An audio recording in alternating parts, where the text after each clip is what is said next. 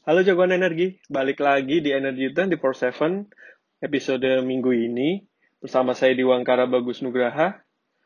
Hari ini saya akan membacakan beberapa berita di sektor energi yang terjadi lah selama seminggu terakhir ini. Di berita pertama ini tentang harga komoditas energi seminggu terakhir. Dari harga ICP atau Indonesian Crude Oil Price di bulan April yang masih kita pakai saat ini berada di level 20,66 US dollar per barrel. Sementara itu kalau dari harga WTI eh, nilainya berfluktuasi antara 31,21 hingga 34,41 USD per barrel. Sementara itu harga Brent seminggu ini berfluktuasi dari nilai 33,75 sampai ke 36,61 US dollar per barrel. Sementara itu kalau kita lihat di komoditas batu bara, harga batu bara acuan Indonesia di bulan Mei ini berada di nilai 61,11 per metric ton.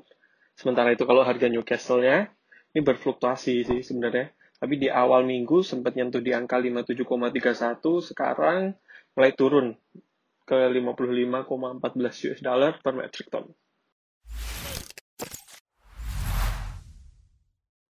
Berita selanjutnya dari sektor migas. Ini ada perkembangan tentang kilang mini LNG pertama di Indonesia. Jadi PHE atau Pertamina Hulu Energy dan Medco baru aja menandatangani perjanjian jual beli gas dengan PT Kayan LNG Nusantara. Jadi nantinya produksi gas mereka dari blok Simenggaris ini akan dialirkan ke kilang mini LNG pertama di Indonesia yang terletak di Kalimantan Utara. Jadi nantinya kilang mini LNG ini bisa jadi hub buat pengembangan lapangan gas yang berlokasi di sekitar Kalimantan Utara. Berita selanjutnya ini datang dari daerah cekungan West Natuna. Baru saja Konrad Petroleum mengklaim bahwa lapangan gas Mako yang mereka eksplorasi ini adalah salah satu penemuan yang terbesar di cekungan West Natuna. Dari hasil audit independen, estimasi sumber daya yang dapat dipulihkan di lokasi tersebut itu mencapai 495 miliar kaki kubik feet. Ini lebih tinggi dari audit mereka di tahun 2019. Semoga ini bisa jadi harapan baru untuk pengembangan uh, sektor migas Indonesia.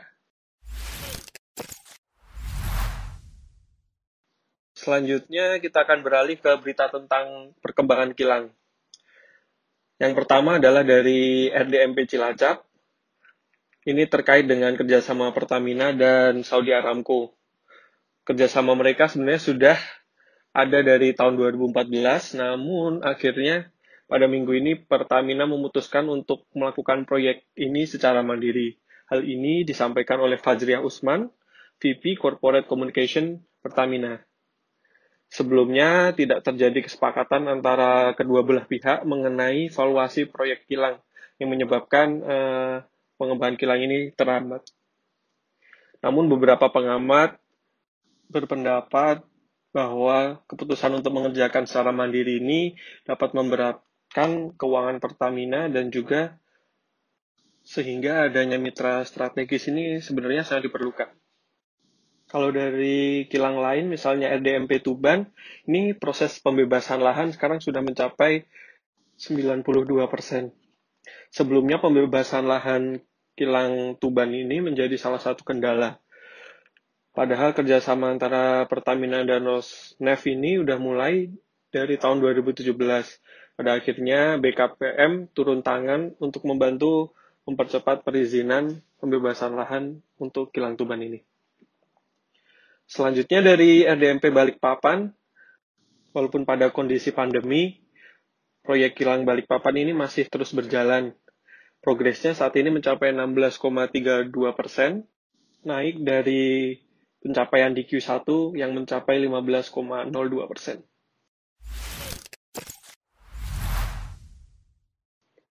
Sementara itu, terkait dengan rencana penurunan harga gas untuk konsumen industri, saat ini SKK Migas sedang menyusun juknis atau petunjuk teknis untuk pelaksanaan dari Capman nomor 89 yang dikeluarkan pada tahun 2020.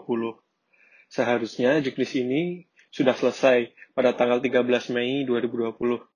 Karena berdasarkan Capman, juknis ini harus selesai satu bulan setelah Capman tersebut disahkan.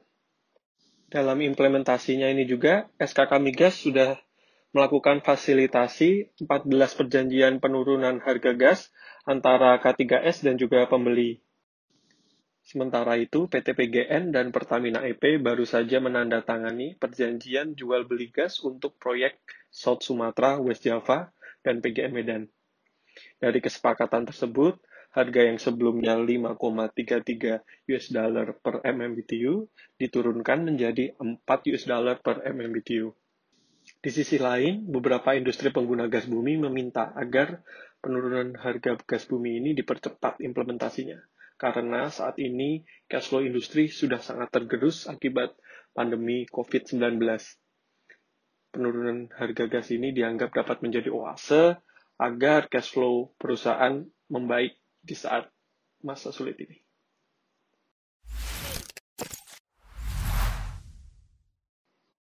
Berita selanjutnya dari pengaruh COVID-19 ke sektor energi. Jadi lebaran tahun ini konsumsi BBM ini sangat turun dibandingkan kondisi normalnya. Konsumsi BBM ini turun antara 13 hingga 30-an persen, tergantung jenisnya. Penurunan tertinggi terjadi pada RON 90 yang turun hingga 32,24 persen.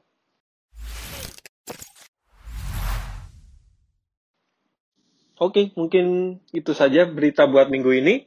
Sampai jumpa di minggu depan follow channel podcast kita dan juga follow sosial media kita karena minggu depan kayaknya kita punya sebuah acara yang sangat menarik. So stay tune.